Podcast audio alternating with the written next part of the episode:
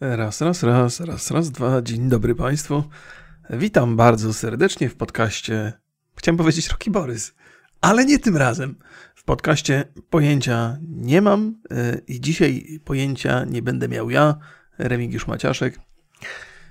Jak zwykle zresztą. Yy, witam, zapraszam. Kawka dla mnie? Pyszna kawka? Mm.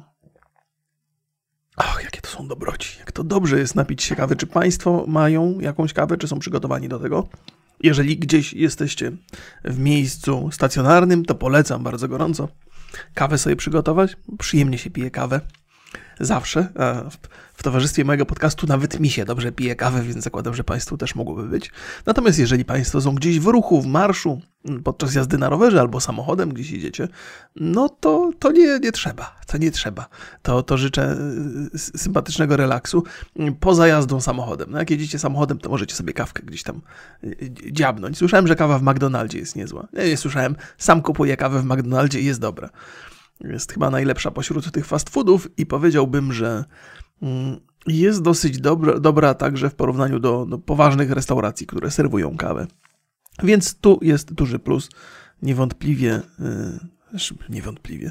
Podejrzewam, że po prostu korzystają tam z dobrej kawy, bo dobra kawa, dobre ziarna to jest podstawa dobrego smaku. Ekspresy też są bardzo ważne, ale dobra kawa e, robi robotę.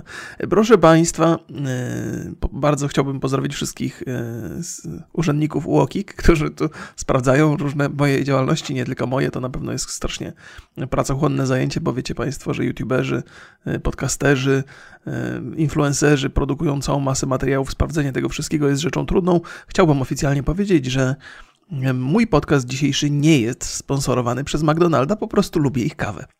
To jest też ciekawa dyskusja, czy aby e, wypowiedź taka pozytywna na temat McDonalda w jakikolwiek sposób jest formą reklamy. Wczoraj Wczoraj trafiłem na materiał Mai Staśko na temat tego, że Mata, raper, hip-hopper, nie wiem, hip-hopper to dobre. Dobre, trzeba to wprowadzić do słownika. Hip-hopper nasz rodzimy zareklamował McDonalda, jakiś zestaw stworzył i że to jest okropne, że tak nie powinno się dziać, że to jest niegodne wręcz, że to jest wprowadzanie jakichś uzależnień od niezdrowego jedzenia wśród młodzieży.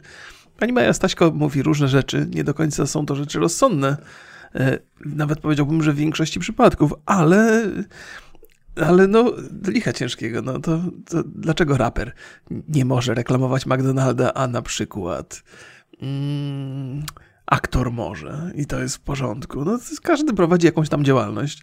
Raper, hip-hopper śpiewa, śpiewa różne piosenki. Śpiewa piosenki e, o seksie, o obmacywaniu dziewczyn, o piciu alkoholu, a nie może powiedzieć o tym, że zjadł kanapkę w McDonaldzie i że poleca, albo że zrobił zestaw. Reklamy są takie, jakie są. Zresztą, na Boga. Ludzie nie są dzisiaj tacy durni e, i, i, i, i, są bardziej wnikliwi. No oczywiście, że wiemy, że McDonald's, jakby regularne stołowanie się w McDonaldzie to nie jest dobry pomysł i nie trzeba być jakimś mózgowcem, żeby to wiedzieć. Każdy nastolatek to wie. Ale mimo tego czasami robimy rzeczy niezdrowe i nierozsądne, bo bo tak jesteśmy ludźmi. I to nie tylko w kwestii jedzenia robimy rzeczy nierozsądne. Czasami nasze dane przekazujemy firmom w sposób nierozsądny. Publikujemy nasze zdjęcia na Facebooku, y, które być może nie powinny być opublikowane. Robimy masę, masę głupich rzeczy. Z reguły wiemy, że są to głupie rzeczy, ale i tak się na nie decydujemy, zwłaszcza jak jesteśmy młodzi. Tak to jest. I kwestionowanie tutaj teraz moralności hip-hopera w kwestii tego, czy on może reklamować McDonalda, czy nie może reklamować McDonalda, to jest, jest totalnie bezzasadne i bez sensu. E, więc e, tak, podsumowując, to będziemy trochę rozmawiali o tym z Borysem dzisiaj na podcaście, więc tematu nie chcę, nie chcę rozwijać. Też nie polecam Państwu słuchania tego materiału e, Mai Staśko, bo zniechęcające to jest, w sensie do... Zniechęcające jest to w kwestii, nie wiem jakby człowiek jest do pewnego stopnia wyrozumiały wobec ludzkiej głupoty I, i, i, takiego powierzchownego badania rzeczy i opisywania tych rzeczy.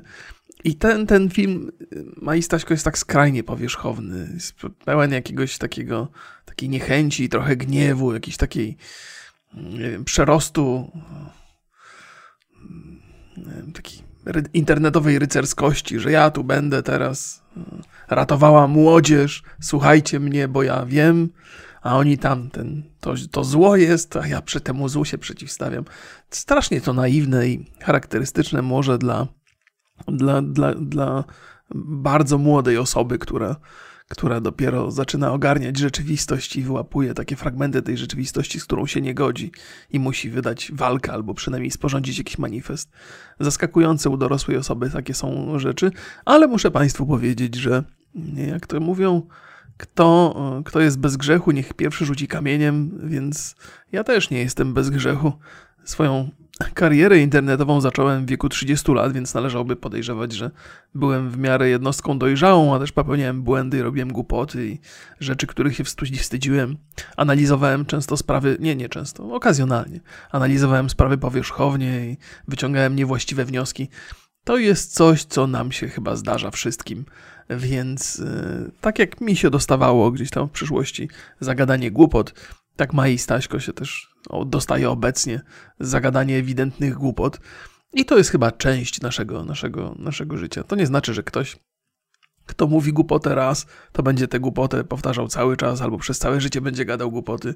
O, to po prostu tak jak wśród młodzieży rzeczą absolutnie naturalną jest robienie rzeczy nierozsądnych świadomie i z wyboru, tak samo wśród osób dorosłych gadanie głupot przydarza się czasami częściej niż byśmy chcieli. Eee, przyznać. No i tak, to proszę Państwa. No ale będziemy o tym z Borysem rozmawiali, bo dzisiaj mamy taki temat dotyczący tego, e, jakie rzeczy sprzedają influencerzy w internecie, własne produkty, trochę produkty w grach, więc temat jest rozleglejszy, ale sięga też po ten mały taki mięsisty dosyć wątek. Nie wiem, czy z tego się zrobi jakaś wielka drama internetowa, ale... E, ale może się zrobi. No, Maja Staśko jest trochę na, na, nacenzurowanym po różnych takich dziwnych, skrajnych e, stwierdzeniach w internecie. Czasami do przesady jej się dostaje za to, bo jak powiedziałem, E, głupota jest częścią naszego funkcjonowania w internecie i my jako twórcy też powinniśmy mieć prawo różne głupoty popełniać. To nie znaczy, że wszyscy muszą nas od razu nienawidzieć, czy mieszać z błotem, czy, czy uważać za skończonych idiotów. No, to nie jesteśmy. Po prostu mówimy czasami rzeczy nierozsądne, nieprzemyślane powierzchownie. E, ale co tam u Państwa? Dobrze? Ja, czy ja dzisiaj muszę Państwu powiedzieć, że dzisiejszy dzień, jeżeli chodzi o raporty newsowe, nie, nie należy do przesadnie, przesadnie jakichś takich złożonych, trochę spokojniej jest, trochę problemów natury ekologicznej oczywiście. Wczoraj było ciekawiej, wczoraj było w newsach dużo dyskusji na temat konfliktu Polski z Unią Europejską. O tym już Państwu opowiadałem. Idzie to w interesującą stronę. E, mamy taką sytuację, że są dwie instytucje, które się ze sobą spierają. To jest rzecz zwyczajna w, w, w relacjach między takimi dwoma, jakby nie patrzeć, dużymi e, instytucjami, jak Unia Europejska i jakiś kraj. Nasz kraj akurat w tym przypadku. Więc spory są rzeczą naturalną na porządku dziennym, chociaż ten zaczyna być e, dosyć dramatyczny. Ale obie, te obie strony nie mogą jakichś drastycznych kroków podjąć, no bo przecież ani Unia Europejska nas nie wypisze, bo to by wpłynęło na w ogóle całą strukturę i na, na trwałość Unii Europejskiej, więc i Unia jest trochę pod ścianą. No i Polska jest też trochę pod ścianą, bo to w tej sytuacji już żeśmy się zapędzili tak mocno, że już nie sposób ustąpić, żeby nie, nie okazać przy tym słabości. Więc obie strony muszą się jakoś dogadać, żeby wyjść z tego, wyjść z twarzą. Wydaje mi się, że najgorsze, co się może w tej sytuacji przydarzyć z naszej perspektywy, to, e, to utrata dotacji, bo tam dosyć duże pieniądze czekają e, na, na, na nas i, i być może ich nie dostaniemy. E, I nie wiem, jakie będą dalsze kroki polskiego rządu w takiej sytuacji, chociaż polscy politycy się odgrażali, że mamy tyle kasy, że możemy innym ją rozdawać. E, rozdajemy, owszem, chociaż mam wrażenie, że to głównie członkom rodzin, rodzin partii rządzących się, się rozdaje tej kasy, chociaż oczywiście są te różne dotacje dla rodzin. Sam ostatnio korzystałem z bonu turystycznego, więc trochę być może sarkastycznie się wypowiadam w tej sprawie. Ale nepotyzm jest rzeczą złą, należy go krytykować i wskazywać palcem, a ten się przydarza jakoś. Chociaż być może zawsze tak było, pewnie tak było, nie wiem. Ale to nikogo nie broni. Nepotyzm jest rzeczą złą. Um, tak łagodzę trochę swoje opinie, bo nie, nie, nie, nie o to mi chodzi, żebyście Państwo tutaj wkurzeni by siedzieli i pili tą kawę. tak, ludzie się irytują. Nie. Ja postrzegam rzeczywistość w sposób e, taki stoicki W sensie, że tak jak ludzie, tak i władza, tak Unia Europejska, tak i nasz rząd Wszyscy popełniają błędy, konsekwencje tych błędów są różne, czasami bardziej drastyczne, czasami mniej. One też mają nas czegoś nauczyć, nie tylko nas jako naród, ale jako jednostki. Wszystko ma swoje, wszystko ma swoje konsekwencje i zawsze z, ze wszystkiego płynie jakaś nauka. Tak na to patrzę. Oczywiście jakieś drastyczne rozwiązanie konfliktu między Unią Europejską a Polską wpłynęłoby negatywnie także na moją sytuację na moje dzieci, to wolałbym, żeby wszystko się rozstrzygnęło dobrze, no ale nie, no nie można zmieniać rzeczywistości w każdym możliwym zakresie. Czasami człowiek obserwuje, ocenia, coś tam skomentuje i czeka na efekty. Liczy na to, że pośród tego zidiociałego politykierskiego politykierskiego, poli, politycznego środowiska e, dojdzie do jakiegoś sensownego konsensusu e, z korzyścią dla wszystkich. No, zobaczymy, zobaczymy, jak to się tam potoczy. E, trzeba pamiętać, że niezależnie od tego, co myślimy o naszej aktualnej władzy, to oni są dosyć sprawni politycznie, przynajmniej tutaj w Polsce.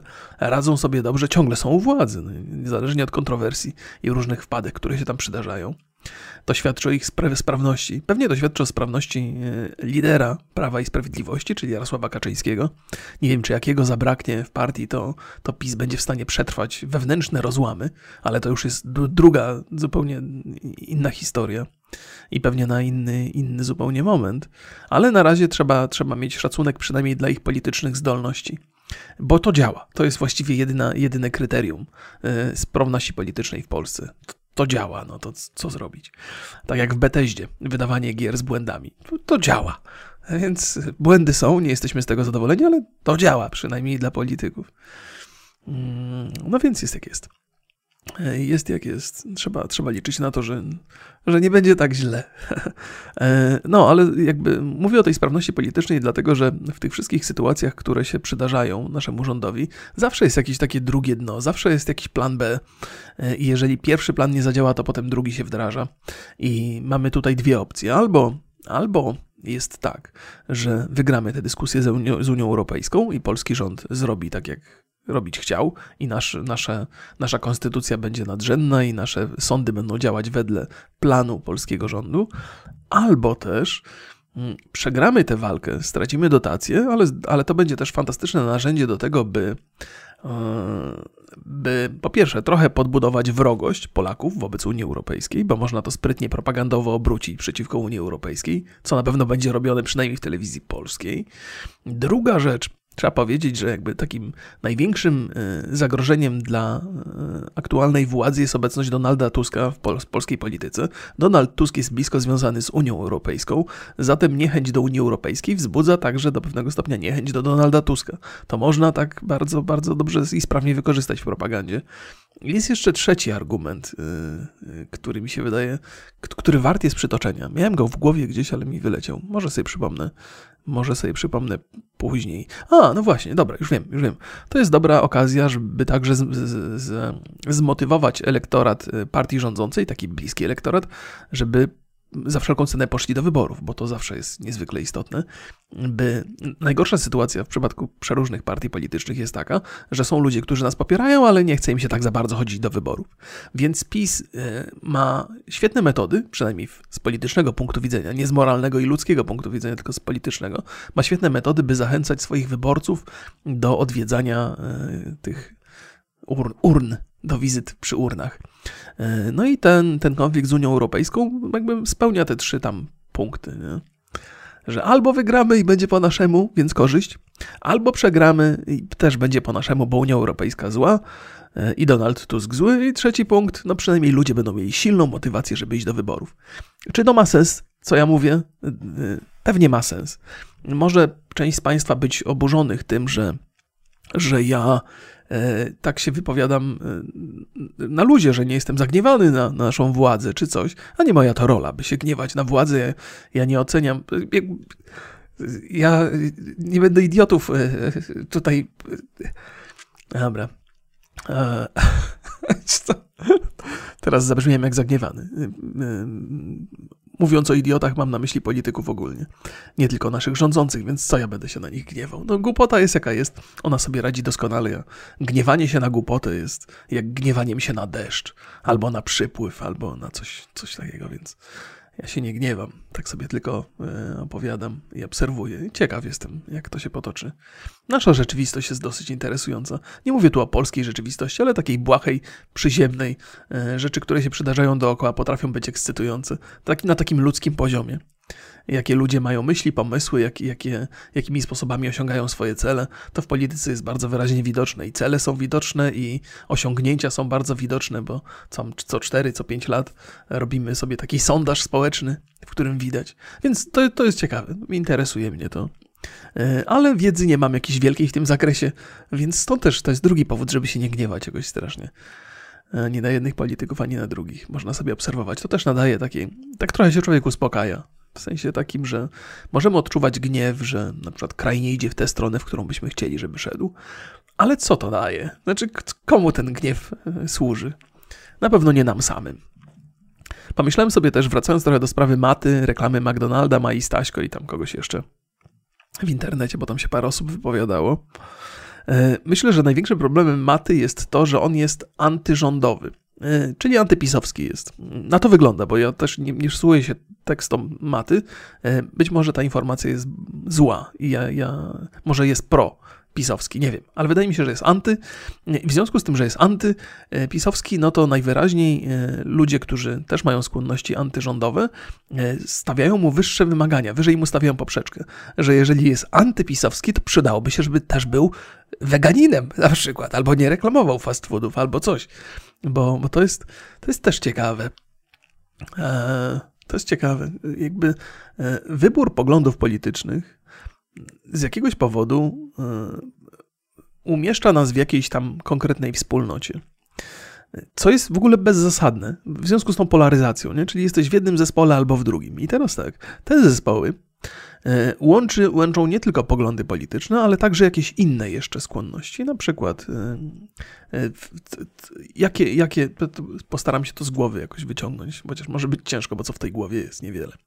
Mamy zatem, mamy zatem takie to, to, to zgrupowanie antyrządowe i tam jest również takie moim zdaniem właściwe podejście do LGBT. Nie ma tam o Jezu, czy ja się chcę w to bawić, czy ja chcę wchodzić w to i analizować. No nieważne, generalnie jest tak, jeżeli wchodzisz między wrony, musisz krakać tak jak i one, to po pierwsze, ale wygląda na to, że w każdym możliwym miejscu i w każdej możliwej sprawie musisz krakać jak i one. Bo jak krakasz już w jednej sprawie, to w drugiej, jak nie krakasz, to już jesteś potępiony. Jeszcze bardziej dotkliwej niż gdybyś, gdybyś był poza tym, poza tą grupą. Rozumiemy się? Nie chcę się wdawać, ja strasznie nie lubię mówić takimi mm, półsłówkami nie, nie dokańczać tematów, ale zdaję sobie sprawę, że czasami wchodzę na grząski grunt i ten grząski grunt nie wynika z tego, że mogę spowodować czyjś gniew, tylko z mojej osobistej niewiedzy. E, I nie ma co się pakować w to. To chciałem tylko powiedzieć, że, że no, że, że te wspólnoty, które powstały na skutek polaryzacji, mają nie tylko, w, mają czasami przesadne wymagania wobec swoich członków, że musisz się ze wszystkim zgadzać, co ta, co ta, co ta wspólnota reprezentuje sobą, co jest totalną bzdurą, bo ktoś może być prorządowy, ale mieć bardzo dużo sympatii do środowisk LGBT i z drugiej strony ktoś może być antypisowski, ale sympatii do LGBT nie, nie mieć żadnej. I, I, może nie są to fajne, y, może nie są to fajne mm, przekonania, ale każdy ma prawo do, do, do wszelakich w różnych zakresach. To nie jest tak, że nie wiem, jedna rzecz mnie łączy z jakąś grupą ludzi i teraz muszę się ubierać tak jak oni, bo jak nie, to jestem malowanym ptakiem i, i wydziobią mi oczy. Czy to ma sens, proszę Państwa? Jeżeli nie ma, to trudno, to powinniście być do tego przyzwyczajeni. Och, fantastyczny podcast się wydarzył w wykonaniu Joe Rogana z gościnnym udziałem Sanjiego Gupty. Sanji Gupta to jest, y, to jest lekarz, praktykujący, neurochirurg co prawda, ale on pracuje także dla CNN jako ekspert w sprawach medycznych, w sprawach szczepień, w sprawach COVID-a, wypowiada się na antenie CNN. E, Joe Rogan i CNN nie są sobie bliscy. Należałoby powiedzieć, że wrogość CNN wobec Joe Rogana e, no, osiąga poziom bardzo wysoki, e, do tego stopnia, że CNN często sięga po ordynarne, takie bezczelne kłamstwa na antenie wobec Joe Rogana, co mi się nie podoba, ale to jest problem mm, też ciekawy do obserwacji, bo jeżeli E, jeżeli serwis, który zajmuje się przekazywaniem informacji tak bezczelnie i w żywe oczy kłamie i łatwo to podważyć, to jaka jest ich wiarygodność i rzetelność w jakimkolwiek innym zakresie? Jeżeli są gotowi kłamać w takiej sprawie, e, to pewnie w każdej innej też kłamią, więc e, to, bez, to jest jakiś w ogóle absurd. Nie? Ja nie wiem. Nie, nie, wiem, jest, zawsze jest coś takiego jak jakiś instynkt samozachowawczy i on działa w różnych instytucjach i działa także wśród ludzi. Z mojej perspektywy to wygląda tak. Mm, jeżeli, jeżeli każdy z nas, dobra, każdy z nas lubi sobie trochę pokłamać. Ja, ja, bardzo lubię koloryzować historię. To nie jest kłamstwo, ale lubię czasami zabawne historie, które mi się przydarzą, e, rozbudować do przesady, bo wiem, że są zabawniejsze i są ciekawsze. To nie są takie historie światopoglądowe, więc mogę sobie pozwolić trochę na, na, na, na podkoloryzowanie ich. Natomiast y, w życiu bym Państwa nie okłamał, nie dlatego, że mam tak moralność na wysokim poziomie, tylko po pierwsze zdaję sobie sprawę, że kłamstwo ma krótkie nogi i że za każdym razem kłamstwo jest trochę inne, a prawda jest zawsze taka sama, to, to często to powtarzam.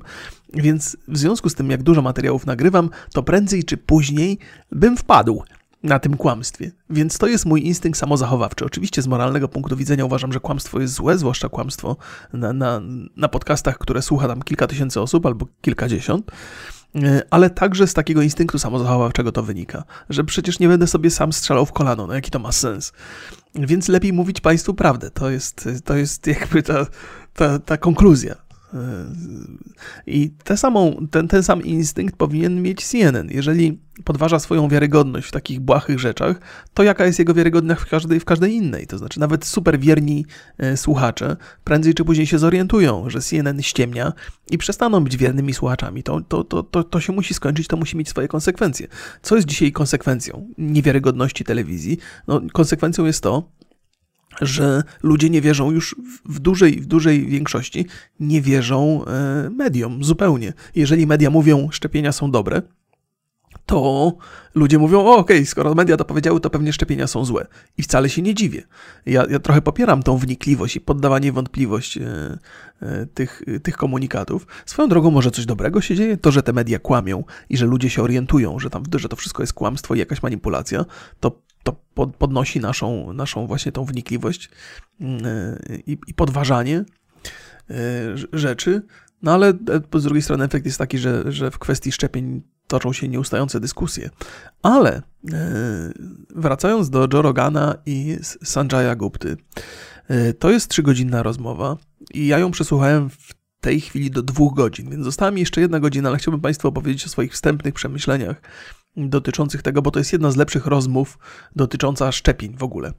E, I, i podejścia osób, które się nie, nie chcą szczepić i dlaczego warto się szczepić i, i jestem pod ogromnym wrażeniem tego, że tę rozmowę dało się prowadzić w sposób kulturalny. Tam oczywiście dochodzi do starć, do, do sporów, są różnice w zdaniach, ale, ale poziom wyrozumiałości z obu stron jest y, czymś, co mm, buduje moją sympatię do, do obu dżentelmenów biorących udział w rozmowie, ale także nadzieję, że skoro oni potrafią rozmawiać w ten sposób, to każdy powinien się dogadać ze sobą. W sensie takim, że y, jakby nie patrzeć, oni obaj są e, jakby trochę w ekstremach spektrum, że, że Joe Rogan jest totalnie przeciwko szczepieniom, Sanjay Gupta jest bardzo za szczepieniami, a jednak potrafią się dogadać. Więc my, ludzie, którzy gdzieś tam też na tej osi się znajdujemy, ale pewnie bliżej środka niż akurat ci dwaj, też powinniśmy się dogadać między sobą i to jest pocieszające. To jest, to jest, to jest jedna, jeden z wniosków, taki pierwszy, który, który wynika z tej rozmowy.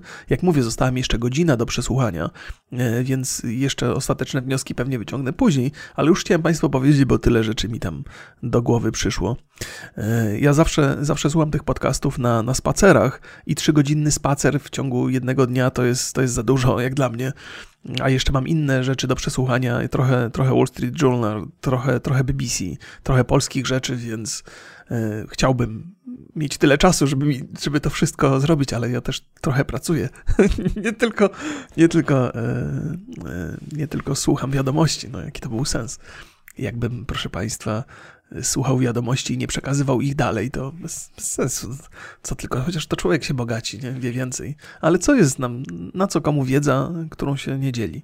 Chociaż ja mam takie wrażenie, że trochę jestem, mówiąc z Państwem zupełnie szczerze, jestem trochę jak głuchy telefon. To znaczy, dostaję informacje z jednej strony, staram się je analizować, ale nigdy nie mam wszystkich danych, ani nigdy nie mam wiedzy, więc przekazuję Państwu te informacje w trochę zmienionej postaci, przefiltrowanej przez moje osobiste doświadczenia, co czasami może skutkować zupełnie błędną informacją. Muszę Państwa ostrzec, żebyście nie polegali tylko na mnie. Ale muszę też powiedzieć, że mam mnóstwo frajdy opowiadając Państwu te wszystkie historie, e, trochę przekazując Państwu newsy i to, co się dzieje na świecie. E, trochę się czuję jak taki reporter. reporter. E, I, lubię robić takie podcasty, w których opowiadam różne historie ze świata otaczającego mnie bezpośrednio, ale tu się nie, nie zawsze dzieją rzeczy, więc trochę Pierwotnie myślałem o tym, że potrzebuję wiadomości ze świata, żeby się, żeby się ratować, żeby ratować, to może złe słowo, żeby, żeby móc tworzyć rzeczy, bo, bo własne doświadczenia, choćbym nie wiem, co robił w życiu, nigdy nie mogą być takie obszerne, żeby codziennie mieć o czym opowiadać. Nie? Ale teraz mi to tyle frajdy sprawia, bo, bo trochę się dokształcam, trochę wiem więcej i przy okazji mam o czym opowiadać. To jest spoko. Więc, więc polubiłem te takie, takie przeglądy, trochę wiadomości.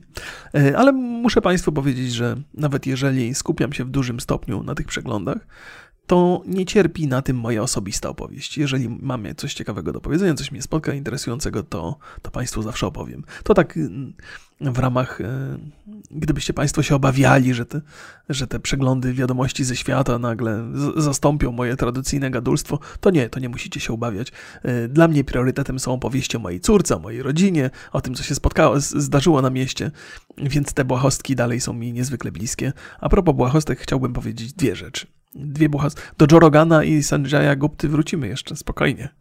Chciałem Państwu dać y, pauzę na, na łyk kawy. E, dzisiaj we Wrocławiu 20 stopni ma być. W chwili obecnej jest stopni 18. to jest dobra okazja, żeby podłączyć zegarek do ładowarki, bo i tak siedzę. E, więc jest bardzo, bardzo ciepło. E, jest to zaskakujące, ale miło widziane. To 20 stopni to jest taka temperatura przyjemna, e, bo sobie można połazić po nie trzeba się ubierać w jakieś straszne kurtki. A już były takie przemrozki w nocy, więc musiałem raz zdrapywać szron z, z, z okien samochodu, musiałem w kurtce chodzić na jakieś moje spacery zimna temperatura jednak mnie zniechęca do, do dłuższych spacerów, a nie mogę się poddać, nie mogę ulec, nie mogę, nie mogę przezimować w bezruchu, więc, więc wolałbym, żeby ta zima nadeszła trochę później. Może, żeby była trochę lżejsza niż w zeszłym roku. W zeszłym roku trochę popadało śniegiem i, i było zimno. E, druga rzecz to jest taka, że jestem strasznie rozczarowany poziomem warzyw i owoców, głównie owoców w, w, w, warzywniakach we Wrocławiu. Po pierwsze śliwki, jabłka, dobra, śliwki, brzoskwinie, jakieś tam nektarynki, to wszystko jest takie same i wszystko tak samo smakuje i wszędzie tak samo smakuje. I nawet jabłka i gruszki czasami e, gnieją od środka, mają ten sam smak. To jest, to jest to jest przykre trochę. Ja wiem, z czego to wynika. To, to jest nasza wina, konsumentów. To znaczy, kupowaliśmy te owoce, które były ładniejsze z zewnątrz, które ładniej z zewnątrz y, wyglądały, i ludzie, którzy sprzedawali owoce, musieli, się, musieli zmienić swoją, swoje praktyki produkcyjne.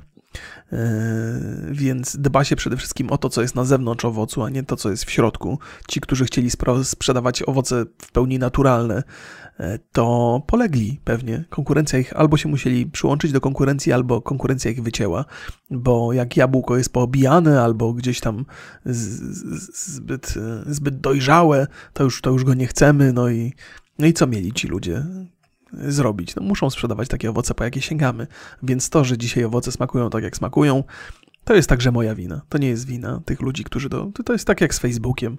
Można winić Facebooka, można winić Twittera, co zresztą często robię, ale prawda jest taka, że to są serwisy, które zaspokajają ludzkie potrzeby. I tak samo ludzie, którzy produkują owoce, też zaspokajają ludzkie potrzeby. To, że one są takie trochę bezmyślne i krótkowzroczne, to już jest nasza wina. Ale to jest y, też problem, który poruszałem wcześniej technologia, także ta, ta żywieniowa, rozwija się szybciej niż nasza społeczna, jakby nasza orientacja tego, między tym, co jest nam potrzebne, a tym, co jest y, dla nas dobre, a tym, czego chcemy, jest y, zagubiona. Znaczy, zagubiliśmy orientację, powinniśmy wiedzieć lepiej, co jest dla nas zdrowe e, i nie brać tylko tego, co ładnie wygląda. No ale tak, jesteśmy wzrokowcami chyba w, w dużej mierze I to, co jest ładne, to wybieramy, a to, co nam się nie podoba, to odrzucamy, nie bacząc w ogóle na.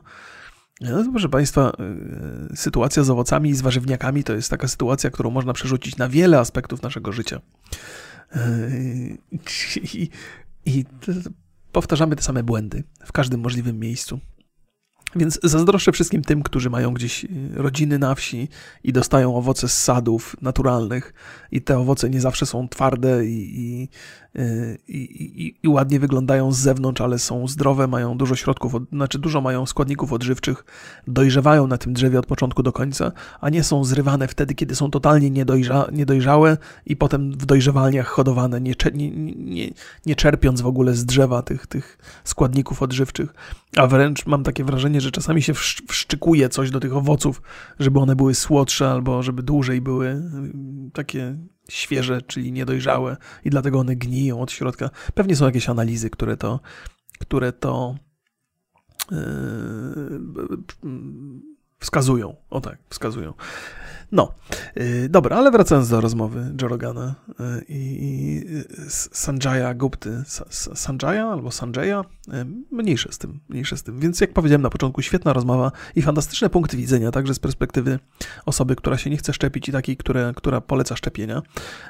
Jak Państwo wiecie, ale powtarzam to za każdym możliwym, przy każdej możliwej okazji, ja się zaszczepiłem i polecam Państwu to zrobić.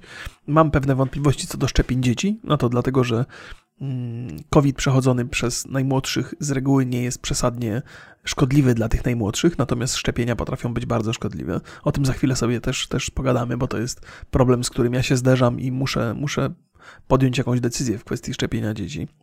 Chociaż teraz nie, jest, nie ma nacisku na to jeszcze, więc, więc mogę sobie to odkładać w czasie, ale, ale czytam informacje, badam temat i, i jestem ciekaw. Mm, by Państwu powiedzieć o, o kilka, kilka, informacji. Po pierwsze, tak, o, wspominam o tym, że e, w związku z tym, że nasza, że wiarygodność mediów e, jest na chyba na najniższym poziomie w ogóle w historii ludzkości, to, to, no to ludzie, kiedy media mówią szczepcie się, to, to my się nie chcemy szczepić. Znaczy ludzie nie chcą się szczepić, bo ja się zaszczepiłem, jak mówię. Nie ufa się mediom i to jest, to jest uzasadnione.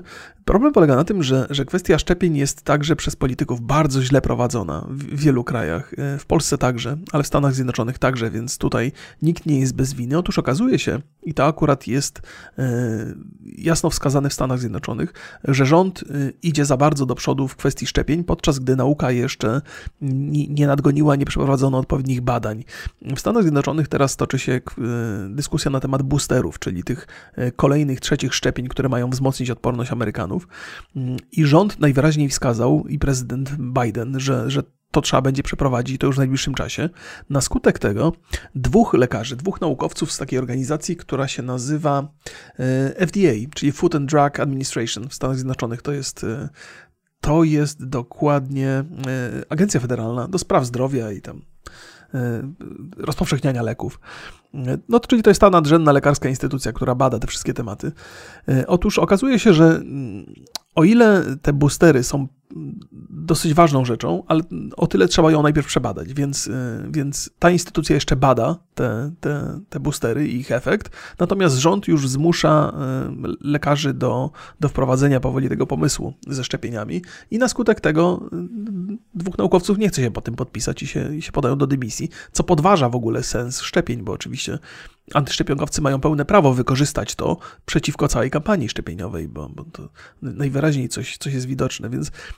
to jest też ta, taki temat, który Joe Rogan i Sanjay Gupta o, o, omawiają i okazuje się, że problemem tutaj nie do końca jest, są naukowcy i lekarze. To znaczy lekarze i naukowcy są gotowi prowadzić badania, natomiast rządy to przyspieszają w sposób idiotyczny. Bardzo często jest tak, że jakiemuś politykowi się wydaje, że to będzie dobre e, i, i podejmuje decyzje, które są totalnie niezgodne z, z dotychczasowymi badaniami. Oczywiście jest, jest duże prawdopodobieństwo, że badania tych boosterów wskazałyby na ich pozytywny efekt, ale nie zostały jeszcze przeprowadzone.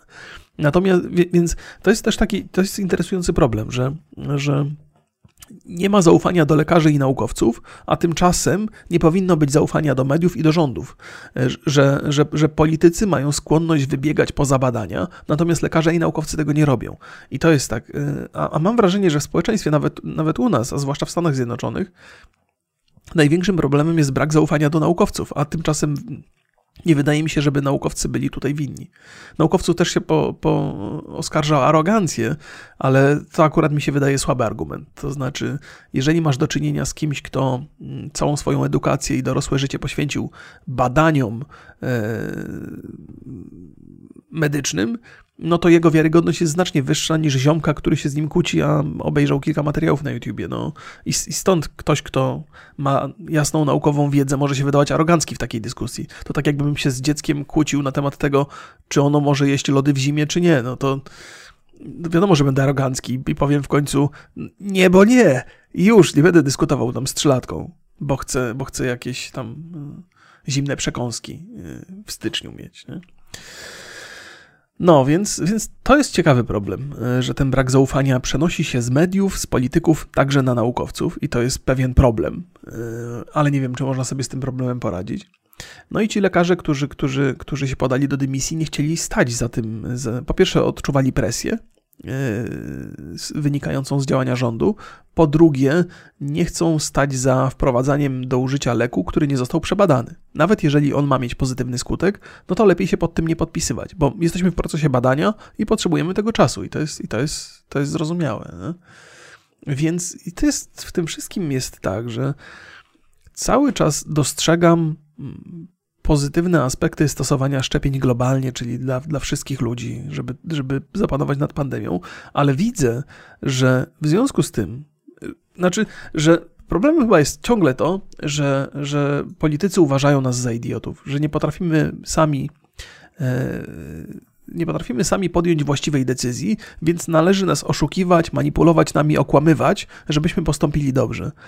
I to jest chyba jeden z większych problemów no, obecnego świata że...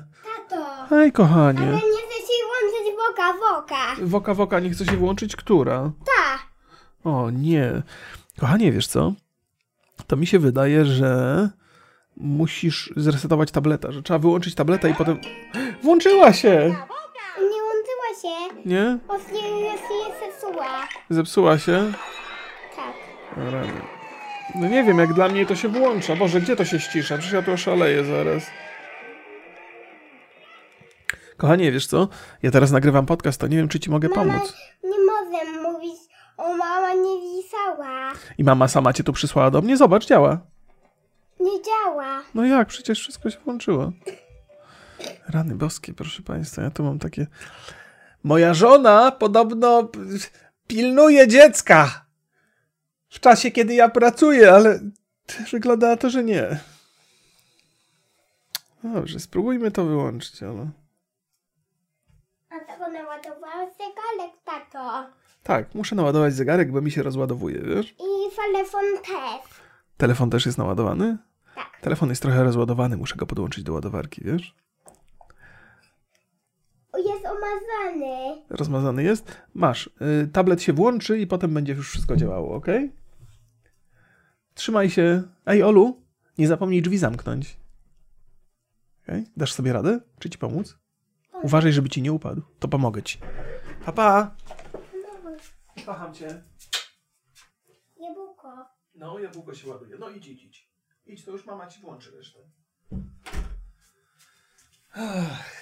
Przepraszam, proszę Państwa, jeżeli tego nie, jeżeli tego nie wyciąłem, to znaczy, że uznałem, że to jest urocze, a, a tak naprawdę to pewnie zapomniałem gdzieś tam przejrzeć te, te rzeczy. Myślę, że Państwo jakoś przetrwali. O czym to żeśmy mówili?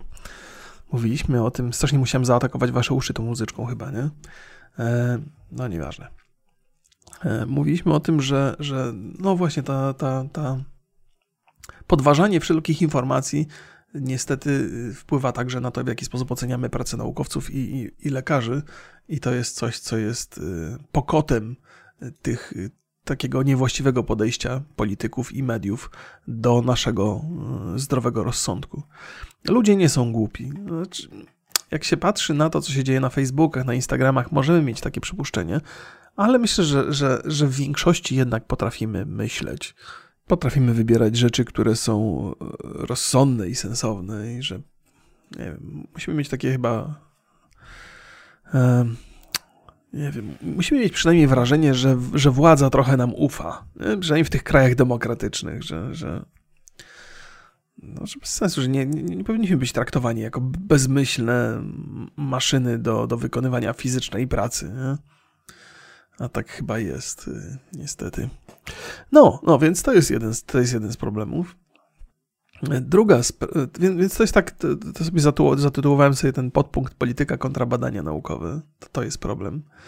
E, druga ciekawa rzecz, która zwróciła moją uwagę, i to jest temat, który podrzucił Joe Rogan, co mnie bardzo zaskoczyło, ponieważ on jest przedstawicielem tej grupy e, przeciwnej szczepieniom. Nie, nie powiedziałbym antyszczepionkowiec, bo to znaczy coś innego, ale on jest przedstawicielem tej grupy przy, e, przeciwnej szczepieniom, chociaż on też by się nie, nie, nie traktował w ten sposób, to może też nadużywam trochę.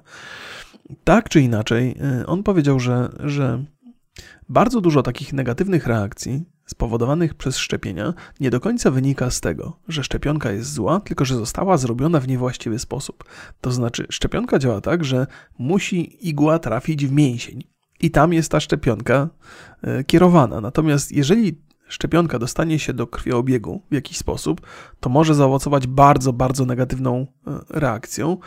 I najwyraźniej zdarzają się takie przypadki, bo przy takiej ilości szczepień muszą się zdarzyć różne dziwne przypadki, że, że ta szczepionka trafia do krwiobiegu i potem efekty są tak skrajnie negatywne, że cały świat się o tym dowiaduje, bo dużo ludzi szuka też, y, wskazuje na takie konkretne przypadki. Co mnie zaskoczyło bardzo mocno, bo on tak trochę jakby wyciąga rękę do, do Sanjiego Gupty i mówi: OK, ja nie jestem, nie jestem zwolennikiem tych szczepień, ale wiele negatywnych szczepień jest negatywnych dlatego, że zostało zrobione w niewłaściwy sposób.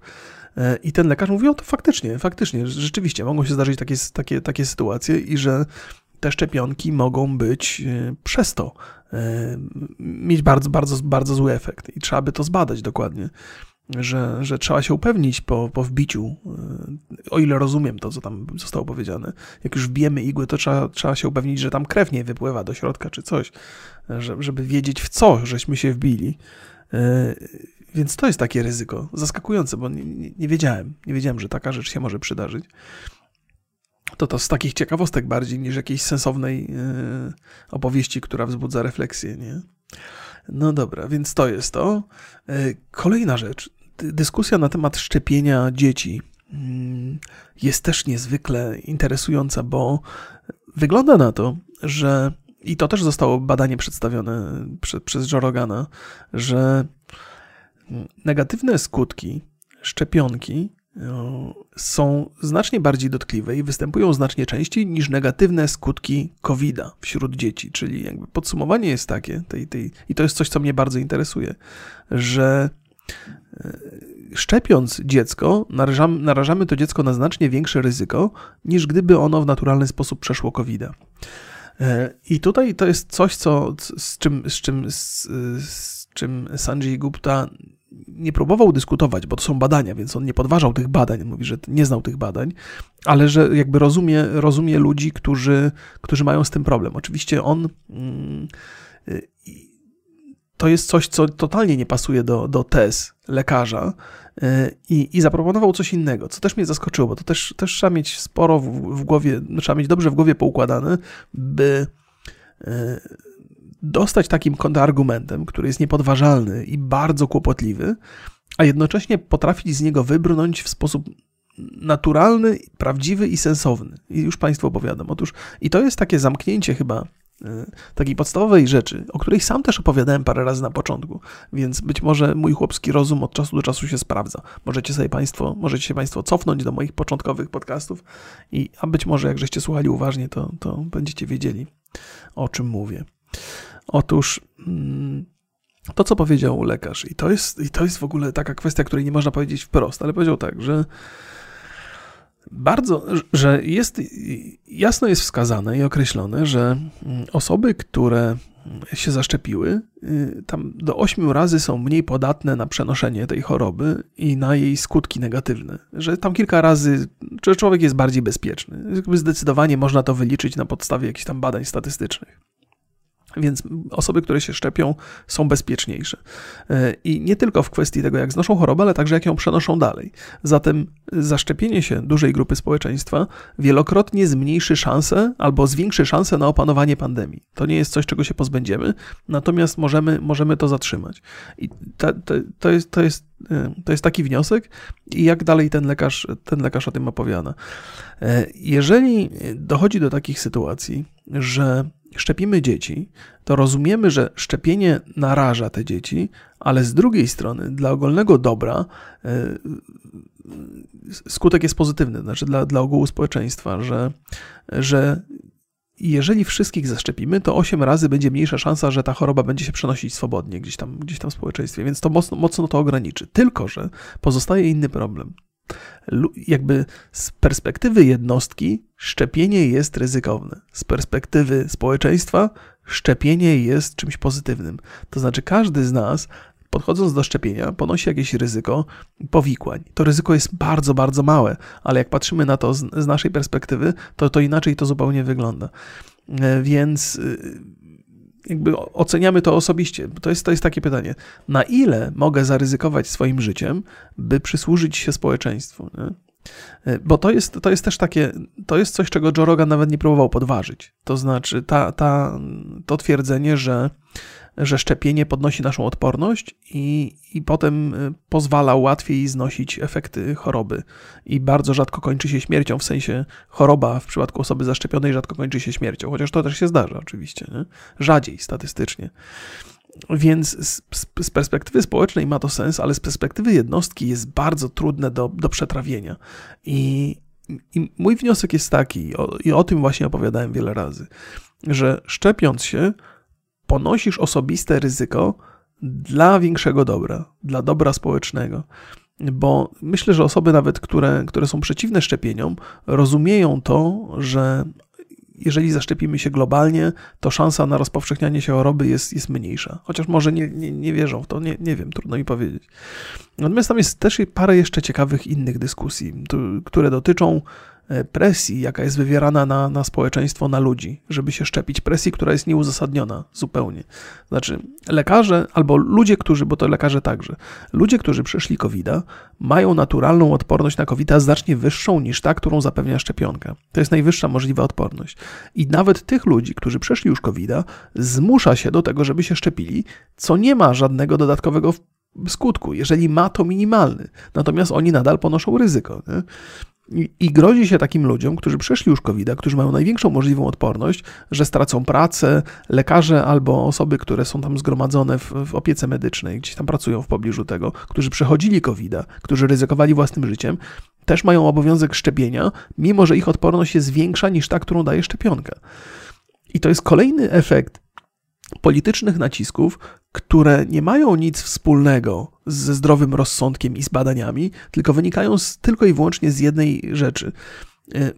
Musimy ludzi przekonać, że każdy ma się szczepić, bo to jest jedyny sposób, żeby, żeby ci niechętni się zaszczepili, bo nie ma co im tłumaczyć i, i, i rozbierać tego na czynniki pierwsze, nie ma co mówić, że ci muszą, tam ci nie muszą, tam ci mogą mniej, tam ci mogą więcej, bo ludzie tego nie zrozumieją, więc zmuszamy wszystkich do szczepienia, wszystkich stawiamy w tej samej sytuacji, nieważne jakie, jakie, w jakich warunkach żyją, jak funkcjonują, co jedzą, jak, jak wyglądają, jak nad sobą pracują bo, bo to jest najbezpieczniejsze. To znaczy, wszy, ryzykujemy życie wszystkich porówno i wtedy e, ludzie, ludzi łatwiej będzie przekonać. To nie działa totalnie. Nie? Więc, więc jednym z większych problemów, mimo że być może opowiadam tak chaotycznie, jest to, że, że nie rozpatruje się tych spraw trochę indywidualnie, że się stosuje taką zbiorową, e, zbiorowy przymus, nieważne co, co, co robisz w życiu, jaką chorobę przeszedłeś, czy przeszedłeś covid czy nie, to masz się szczepić i koniec, bo nikt się nie chce wdawać w dyskusję, a to jest coś, co wzbudza protest ludzi, więc te, e, te, te głosy przeciwko szczepieniom, one są po pierwsze słyszalne, po drugie jest w nich dużo sensu, niestety, e, po trzecie wszelkie problemy, które wynikają z, z niechęci do szczepienia, to tylko i wyłącznie po pierwsze nieskuteczne działanie polityków, po drugie brak, ich wiarygodności, po trzecie ten brak wiarygodności, który jest uzasadniony przez aktualne działania polityków. Te wszystkie kampanie reklamowe, które są kłamliwe i one mają jakby pozytywny mają skutek przynieść, ale nadal są oparte na kłamstwie, łatwo je podważyć. I to jest, to jest duży problem. I, i ch chyba takie jest, taka jest konkluzja tego wszystkiego od samego początku dzisiaj, że, że najwyższa pora, żeby politycy zaczęli ludzi traktować poważnie. Ja wiem, że nie każdy, być może obywatel, sobie zasługuje na poważne traktowanie, ale nie należy nas traktować jako półgłówków, potencjalnych przestępców, ludzi, którzy chcą się wymigać od czegoś, oszukać władzę, bo tak się patrzy na obywatela dzisiaj, w dzisiejszym świecie. Mamy demokrację, i, ale i te wszystkie, i urzędy skarbowe, i łokiki pewnie też, chociaż wolę się teraz nie narażać, ale za każdym razem patrzy się na osobę prześwietlaną jako potencjalnego przestępcę, którego trzeba złapać na czymś.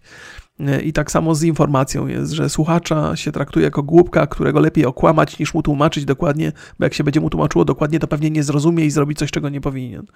To jest problem, nie? Że, że, że jesteśmy, jesteśmy traktowani jak idioci. Nawet jeżeli nikt tego głośno nie powie, że traktuje obywateli jak idiotów, to tak naprawdę w środku głowy myśli. I wcale się nie dziwię. Nie?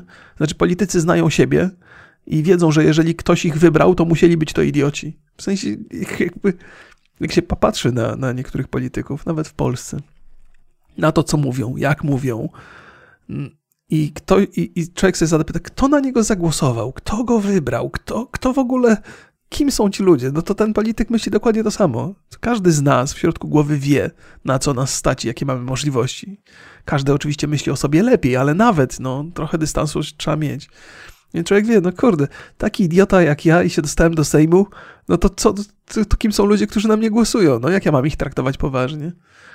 Trochę to obracam w żart, trochę ironizuję, ale, ale, ale tak myślę, że, że oczywiście jestem absolutnie przekonany, że nie powinniśmy być przez rządzących traktowani jak idioci, ale z drugiej strony, jak patrzę na rządzących, to wcale się nie dziwię, że nas traktują jak idiotów. Eee, no i to nie jest deklaracja polityczna, niezależnie od tego, kto tam nami rządził. To, to jest, no. I co z tym można zrobić, proszę Państwa? Co z tym można zrobić? Nie mam bladego pojęcia. Jest takie jakieś rozwarstwienie dziwne. Jest takie od, odklejenie tych polityków od rzeczywistości naszej. Eee, hmm. No nic. Tak Państwu opowiedziałem. Odpowiedziałem, opowiedziałem dzisiejszą. A, jeszcze, jeszcze trochę sięgając po to, po to szczepienie, zwłaszcza szczepienie dzieci. E, to chyba podsumowałem już, już, e, już wcześniej. To jest coś, co trzeba powiedzieć. I jakby nie, nie jest, ja nie jestem taką osobą, która jest w tym wiarygodna, mówiąc to, ale wydaje mi się, że ktoś powinien mądry i posiadający autorytet powiedzieć publicznie, że szczepienia są ryzykowne, ale jest to poświęcenie dla wspólnego dobra, dla, dla, dla większego dobra. I, I teraz każdy, kto, kto się szczepi, zwłaszcza szczepienie dzieci, jest, jest pewnym ryzykiem. To też trzeba sobie zadać pytanie, czy można od rodziców wymagać, by ryzykowali życiem dzieci dla większego dobra. Bo to jest też, też jest taki argument. Jakby wyraźnie widać, że ryzyko szczepień że zważywszy na to, w jaki sposób najmłodsi przechodzą covid to ryzyko szczepień jest jeszcze większe w ich przypadku. Więc rodzice muszą podjąć decyzję, czy jestem gotów ponieść jakieś ryzyko, zaryzykować życiem dziecka, by dla dobra ogółu, bo ja mam z tym problem, nie? Znaczy, o ile jestem bez żadnego problemu w stanie zaryzykować własnym życiem dla dobra ogółu, o tyle ryzykowanie życiem dziecka zaczyna być dla mnie kłopotliwe. Nawet jeżeli ryzyko sprowadza się do promila, to nadal ja podejmuję tę decyzję, bo nie oszukujmy się zważywszy na to, ile osób się szczepi, to ten komuś się przydarzy coś nieszczęśliwego po drodze, nie? I tak długo, jak sami świadomie podejmujemy te decyzje, to nie mamy do nikogo pretensji. To znaczy, wiemy, żeśmy zaryzykowali, że, że szansa na, na nieszczęście była niewielka, no ale nas to spotkało. To nie jest dobre, nie jesteśmy z tego powodu szczęśliwi na pewno, ale podjęliśmy sami dorosłą decyzję. Nie? Natomiast to, że rodzice muszą podejmować te decyzje za dzieci, to jest chyba trudniejsze. To jest, to jest dla mnie to jest trudne. No. I teraz nie chcę niczego sugerować, ale myślę, że byłoby mi łatwiej, gdyby, gdyby, gdyby doszło do szczepienia najmłodszych, to żeby to szczepienie było wiem, obowiązkowe, tak jak, tak jak nie wiem, edukacja na poziomie podstawowym. E, ale to jest po raz kolejny zmuszanie ludzi do robienia rzeczy, których nie chcą robić i to też jest niewłaściwe. E, no dla mnie, mi by było łatwiej, gdyby ktoś tę decyzję podjął, podjął za mnie, bo jeżeli ja podejmę tą decyzję i stanie się coś złego, to nigdy sobie nie wybaczę, a wolałbym kogoś innego obwiniać niż siebie. Nie? I to też jest jakby kolejny problem, z którym trzeba się będzie zmagać e, gdzieś, gdzieś tam po drodze. Ciekawe jak to, ciekawe, ciekawe i niepokojące, jak to się potoczy. A może w ogóle nie będziemy mieli do czynienia z takim problemem. Może, może coś innego się stanie. Może meteoryt spadnie i tam zakończy naszą cywilizację ze skutkiem natychmiastowym i COVID będzie najmniejszym naszym problemem, czy coś. E, zobaczymy, co tam na świecie się dzieje. To, to, to co mówiłem, jakoś takie rzeczy są. O, o, a może opowiemy Państwu o tym. Może o tym Państwu. Proszę Państwa. Trzęsienia ziemi e, przydarzają się. Ostatnio się zdarzyło na Haiti, teraz świeżutko jest e, w Grecji, w okolicach Krety. Ono jest odczuwalne także w Izraelu i w Turcji. Przyjrzałem sobie taką, taką mapę. Jest taka, jest taka strona, która się nazywa earthquake.usgs.gov. E, I to jest, i tam są raporty na temat e, aktualnych trzęsień ziemi. Tych trzęsień ziemi e, się, się przydarza na świecie dosyć dużo. Oczywiście rzadko są takie bardzo zauważalne. 4,1 stopnia. E, nie wiem, czy to jest w skali Richtera akurat, ale chyba w takiej skali, bo tu nie jest opisana skala, natomiast 4,1, tak to jest wskazane. Wydaje mi się, że 5,7 było wcześniej, więc e, nie wiem, czy to się teraz odbywa, czy to są takie raporty z jakichś określonych godzin, ale to jest z pierwszej 25, z 16, to sprzed 4 dni. To ciekawe, bo informacja już jest dosyć stara, natomiast e, chyba się nie mówi o tym zbyt często, ale ja też telewizji nie oglądam za bardzo, więc mogę nie wiedzieć tego. Otóż y, Chyba już o tym wspominałem jakiś czas temu, ale cały czas przyglądam się tej sprawie. Do tej pory byłem, przekon byłem przekonany, że, że skutki związane z, z, globalnym ociepleniem i ze zmianami klimatycznymi to są takie, które y, y, są widoczne wtedy, kiedy są jakieś zaskakująco wysokie temperatury, jakieś, jakieś rekordy pobijamy wysokich temperatur latem, albo powodzie się przydarzają, że to jest skutek taki widoczny bardzo i namacalny.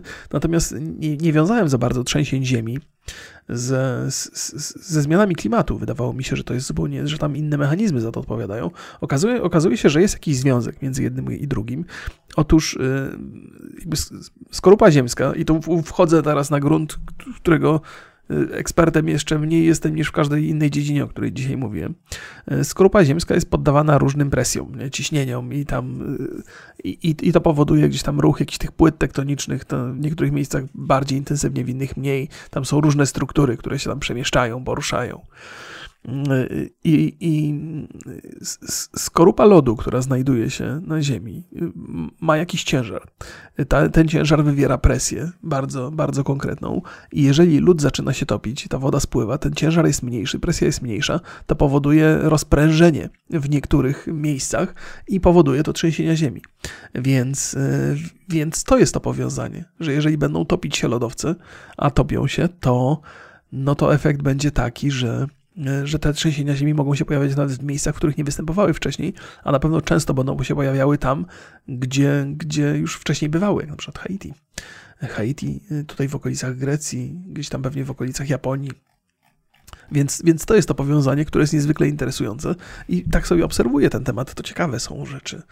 To jest po raz kolejny takie, no co możesz powiedzieć? Oczywiście, że to jest problem, że to jest źle, że tak się dzieje, ale z perspektywy gościa, który sobie siedzi i przygląda temu, co się dzieje na świecie, to tylko mogę obserwować i mogę być zafascynowany tymi, tymi rzeczami, które się dzieją, mechanizmami, które wywołują tego typu sytuacje.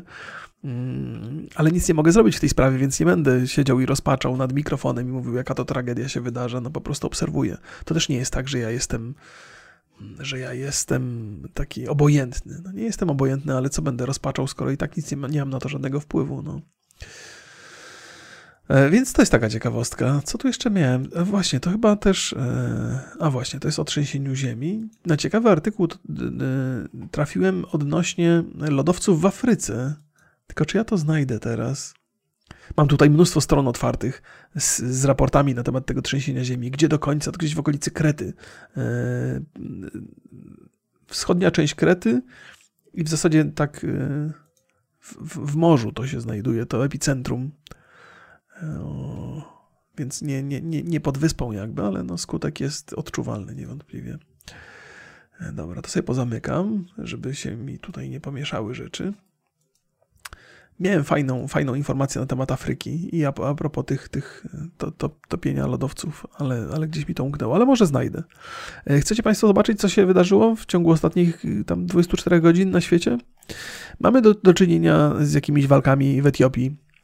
E, Etiopia, no, że jest się tam o co bić, nie? No najwyraźniej jest to władze to jest jak, jak, jak, brakuje zasobów naturalnych, które byłyby wydobywane i z których korzystałby kraj, no to się walczy o władzę. Władza jest zasobem. Nie? No więc, więc, więc tam, tam, tam się tam się toczą walki i w ogóle siły rządowe już dzisiaj wyglądają w ten sposób, że się sadza młodych ludzi z maczetami na, na ciężarówki i się wiezie ich na pole walki. Tak donosi, tak donosi BBC, więc e, jakby zasoby, zasoby militarne to też są do minimum sprowadzone. Jak ktoś chce sprzedawać broń, no to tam jest dobre miejsce najwyraźniej na to. Ironizuje trochę, może niewłaściwie. E, no ale to wiecie, jak wygląda polityka międzynarodowa. No. Dobra, co my tu mamy? Jest, jest, cały czas jest konflikt, to opowiadałem Państwu chyba w poniedziałek, między Chinami, Rosją i Stanami Zjednoczonymi, jeżeli chodzi o, o broń nuklearną. W tej chwili każdy z tych krajów dysponuje około 400, 4, 400 setkami głowic nuklearnych. E, Chiny mają tam trochę mniej, chyba tam 380 czy coś, ale oni testują tą hypersoniczną e, rakietę, której, której standardowe środki obrony nie są w stanie strącić, więc jest to poważny problem. No i oczywiście y, to powoduje jakiś kryzys, y, ale też ciekawe jest to, że ten kryzys następuje w obliczu tych różnych problemów gospodarczych. Opowiadałem Państwu też niedawno, że Stany Zjednoczone bardzo mocno podważają podejście e, Chin, Chin, do rynku pracy, do tego, że Chiny są e, bezkonkurencyjne, jeżeli chodzi o produkcję, dlatego że mogą spokojnie nadużywać e, zasobu ludzkiego, na co na przykład Stany Zjednoczone albo Europa Zachodnia nie mogą sobie pozwolić. Więc ten kryzys jest rozległy, on dotyczy całej masy różnych zagadnień i zaczynam się zastanawiać, czy ten kryzys militarny nie jest czasami takim dodatkiem, jest, czy nie jest potwierdzeniem tego, że, że, że, że tam jest konflikt i, i być może jest takim, jakąś taką kartą przetargową w dyskusjach że w pewnym momencie, wie, wiecie, ja, ja, to jest też taka, taka rzecz, której nie mogę przebadać dokładnie, no bo kto może mieć dostęp do tych materiałów, jakimi dysponują wywiady w różnych państwach. No nie mam. Zgaduję tylko, że nawarstwienie się tych zarzutów Stanów Zjednoczonych wobec Chin i vice versa i jest wynikiem jakiegoś innego problemu, który być może jest dostrzegany, być może to jest problem właśnie e, gospodarczy, a te wszystkie dookoła rzeczy, które podbudowują ten konflikt, to jest tylko taki do, do, dodatkowy temat, żeby, żeby, nie wiem, żeby na przykład poparcie ludzi było wobec działań e, rządu Stanów Zjednoczonych wobec Chin i tak dalej, i tak dalej. To są takie, takie złożone rzeczy i dużo jest tematów zastępczych, które być może nie stanowią zagrożenia, e, a są tylko takim dodatkiem, do, do, do, by naświetlić ten problem. No, ale tak czy inaczej, to już nie, nie, nie, podważam tych informacji. E, jeżeli chodzi o kwestie rakiet balistycznych, to, to jest to temat dzisiaj na świecie. W Moskwie pojawiły się nowe regulacje covidowe, e, bo najwyraźniej no tam się strasznie ta choroba, strasznie się COVID rozwija w ciągu ostatnich, ostatnich miesięcy. Teraz jest duży przyrost. Mm, okazuje się, że e, ludzie w Rosji również nie ufają Kremlowi i wręcz pojawia się takie, taka, taka propaganda trochę, propaganda, właściwie taki, takie głosy się pojawiają ze strony rządu, że obywatele postępują w sposób nierozważny i nierozsądny i brak zaufania do władzy owocuje tym, że są bardziej narażeni na choroby. E, I ciekawy jestem, jak Rosja to rozwiąże, bo tam raczej podejmuje się decyzje, może nie do tego stopnia jak w Chinach, ale twardą ręką się podejmuje decyzje, więc y, to też warto obserwować, jak, jak, e, jak Kreml, jak Putin podejdzie do tego problemu, może będzie ludziom kazał obowiązkowo się szczepić i tyle. E, interesujące, tak czy inaczej. Mm, y, trochę jeszcze o ile się orientuję, teraz dosyć duży problem także ma Rumunia. Rumunia jest krajem, w którym y, COVID y, w Europie zbiera najgorsze żniwo w tym momencie. Nie wiem, czy ogólnie przez cały okres y, działania COVID-a, ale teraz na pewno i tam się dzieją także rzeczy straszne związane z COVID-em, ale nie wiem tego dokładnie, bo mało się mówi o Rumunii. to są jakieś tylko takie wzmianki, jakieś takie przy okazji czegoś innego się mówi. W polskiej telewizji też nie rozmawiamy o Rumunii za bardzo, więc nie wiem. Nie wiem, gdzie szukać, a nie będę przecież w języku rumuńskim szukał źródeł informacji, aż tak mnie to bardzo nie interesuje. E, w Chinach jakaś spektakularna ucieczka miała miejsce z więzienia, co jest ogromną sensacją na całe Chiny. E, jakiś facet 30-letni po 9 latach w więzieniu, jeszcze miał 2 lata posiedzieć i by, i by go wypuścili, uciekł, ale w jakiś taki spektakularny sposób, że wspiął się po murze, zeskoczył z jakiejś dużej wysokości, jakiś Spider-Man. E, I pomyślałem sobie, o kurde, to jest dobry scenariusz do filmu science fiction. Może Chińczycy robią jakiegoś super żołnierza i jeden po prostu wykorzystał swoje umiejętności i wspiął się po, po, po, po murze w jakiś absurdalny sposób, jak, jak, jak pająk. Lepiej mówić jak pająk e, niż jak małpa bo, bo, bo to budzi skojarzenia rasowe bardzo niepokojące. Tak czy inaczej, y, tak czy inaczej. Ja nie wiem, czy ja teraz nie wzbudziłem skojarzeń niepokojących rasowych, Boże niepotrzebnie. E, tak czy siak, e, jest to, jest to wielka sensacja, bo w Chinach się nie ucieka z więzienia. Więzienia w Chinach są, tam jest bardzo duży rygor, jest bardzo duża kontrola i nie dochodzi tam do ucieczek, zwłaszcza takich spektakularnych, że człowiek na własnych nogach przeskakuje przez mur, wspina się po ścianie, przeskakuje przez płot, przez jakieś druty wysokiego napięcia. Ten film zrobiony przez monitoring w tamtej okolicy znalazł się w, w social mediach chińskich, ale został usunięty e, prędzej czy później. Jest Y, taka jest hipoteza chyba, takie jest, y, tak, tak, taka jest hipoteza, że to jest więzień jakiś taki, który, że to jest facet z Korei Północnej, który uciekł z Korei Północnej, ale został zatrzymany y, po przekroczeniu granicy nielegalnie i po dokonaniu jakiegoś napadu czy rabungu.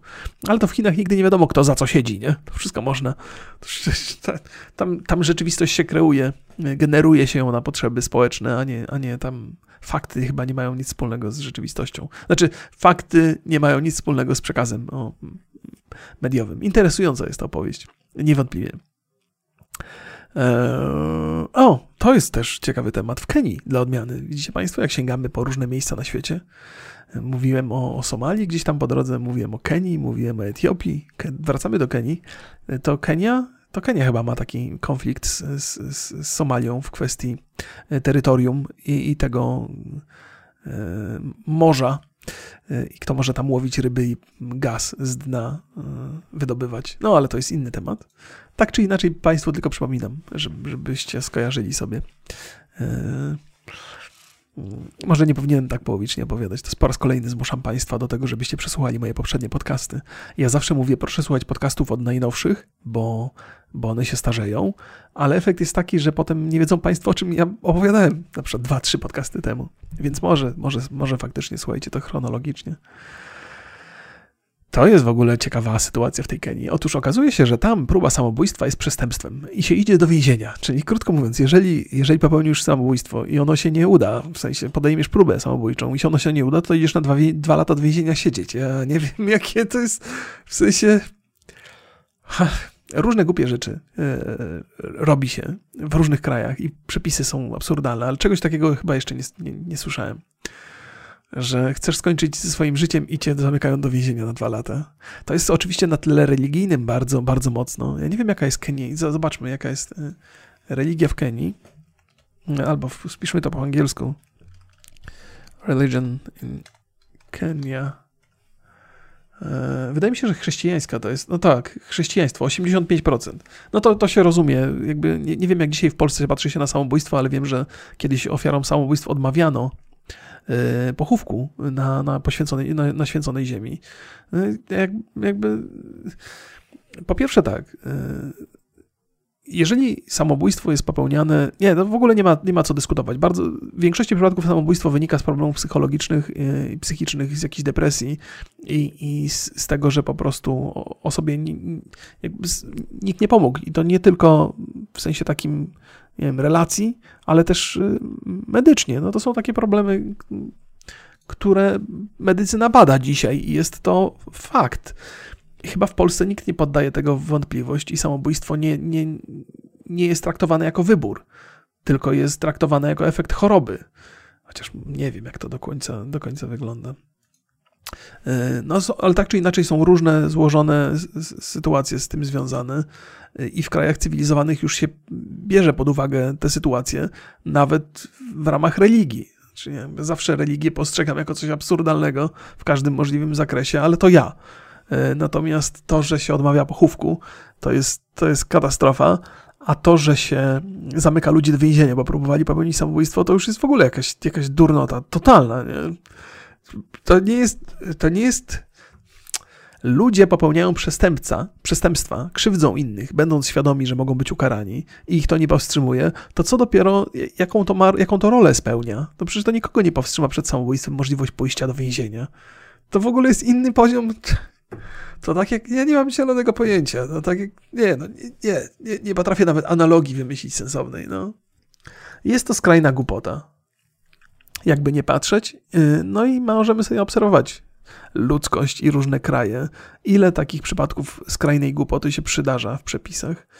E, dużo też wynika z tego, że jest mnóstwo, tak, Kenia to Kenią, ale w, i w, pewnie w naszym kraju i w Stanach Zjednoczonych jest dużo przepisów, które są bardzo, bardzo stare, które nie były modyfikowane, nie były zmieniane i są absurdalne. W Stanach Zjednoczonych w ogóle jest, w niektórych miejscach są więzienia dla nieletnich e, i przeważnie, i tam czytałem artykuł niedawno, nie wiem, czy to nie dotyczyło Luizjany. Jakiś sędzia został, y, nie wiem, czy on został aresztowany, czy jakaś toczy się jakaś sprawa, bo on regularnie zamykał y, czarnoskórych nieletnich w więzieniach. E, problem więzień w Stanach Zjednoczonych jest rozległy, bo to są bardzo często instytucje prywatne. Im więcej ludzi się zamyka, tym lepiej zarabiają te instytucje. E, o tym opowiadałem, opowiadaliśmy, rozmawialiśmy z Borysem w kwestii marihuany i tego, jak prawo traktowało marihuanę tam na przestrzeni lat w Stanach Zjednoczonych, ale okazuje się, że do dzisiaj funkcjonują takie więzienia i tam na, na 10 osób zatrzymanych, 10 nieletnich zatrzymanych jest jeden biały, dziewięciu czarnoskórych. Nie? Jakby tutaj trudno zaprzeczyć, że jest jakaś taka e, skłonność skłonność w kierunku jednej konkretnej rasy, ale powiem Państwu dalej, że to nie są takie, to nie są takie przestępstwa, które wymagałyby e, izolacji. Na przykład ktoś był świadkiem przestępstwa, albo ktoś uczestniczył w bójce, albo ktoś był świadkiem bójki. Za takie rzeczy młodzi ludzie są zamykani w tych instytucjach. I to jest, i okazuje się, że, że jest dużo takich przypadków w całej Ameryce, a ta konkretna instytucja na, zostało, zwrócono na nią uwagę, ponieważ skarg odnośnie tych aresztowań było zaskakująco dużo. Znaczy było więcej niż gdziekolwiek indziej. No i odkryto ten jeden konkretny przypadek, no i bada się kolejny. I okazuje się, że dzisiaj, w roku 2021, w Ameryce nadal są instytucje, w których przetrzymywani są czarnoskórzy nieletni pod, pod, pod jakimś totalnie absurdalnym pretekstem. Nie? I nie wiem, czy tam jest jakaś logika, czy to jest uzasadnione. Ktoś mógłby się kłócić, no jest to uzasadnione, bo coś tam, coś tam. No, może ma rację. Musiałbym bardzo dokładnie tą, ale wydaje mi się, na chłopski rozum, wydaje mi się, że to nie trzyma się kupy. Że tam jest coś więcej niż tylko, niż tylko uzasadnione aresztowania. E, gdzie ja to słyszałem? Gdzie ja to czytałem? To musiał być jakiś artykuł, który mi szybko tak przeleciał, bo przeczytałem go tylko raz, nie, nawet nie chciałem Państwu o tym donosić. E, ale tak przez przypadek, to może, to właśnie, to jest też tak, że, że może nie warto e, wszystkich artykułów sobie zapisywać i Państwu opowiadać, bo czasami przydarzy się okazja, by coś opowiedzieć dodatkowo. Bo od czego zacząłem? Zacząłem od Kenii, od tego, że w różnych krajach są ciągle absurdalne stare przepisy, które nie zostały zmienione i są dzisiaj wykorzystywane nadal te przepisy. I tak jest w Stanach Zjednoczonych także. E, o, o, właśnie, trafiłem w końcu na te, na te, na te e, górskie lodowce w Afryce. Otóż, proszę Państwa, w Afryce są lodowce. To nie jest informacja, która jest e, jakaś absurdalna i myślę, że nie zaskakuje nas tak bardzo, ale muszę przyznać, że jak rzuciłem na to okiem za pierwszym, za pierwszym razem, to pomyślałem, o, o, co to ciekawostka, nie wiedziałem, ale przecież wiem, Kilimandżaro, Kiliman... Znaczy są w Afryce rejony, gdzie jest wysoko i jest śnieg i i to jest tak. Kilimandżaro to jest wulkan w Tanzanii. Muszę zobaczyć, bo czasami mi się zdarza powiedzieć coś, jaką, jakąś taką durnotę geograficzną i, i potem się łapię na tym, mówię, Jezu, jak ja mogę coś takiego powiedzieć w ogóle? To gdzieś w okolicach Somalii się znajduje, czyli na wschodnim wybrzeżu y, Afryki. Tanzania, Tanzania, Uganda, Somalia, e, Kilimandżaro. No, więc y, w, Afryce były lodowce i do tej pory pozostały trzy lodowce, ale okazuje się, proszę Państwa, że te trzy lodowce to już długo nie zostaną, bo zostało zaledwie 20 lat ich i potem już znikną.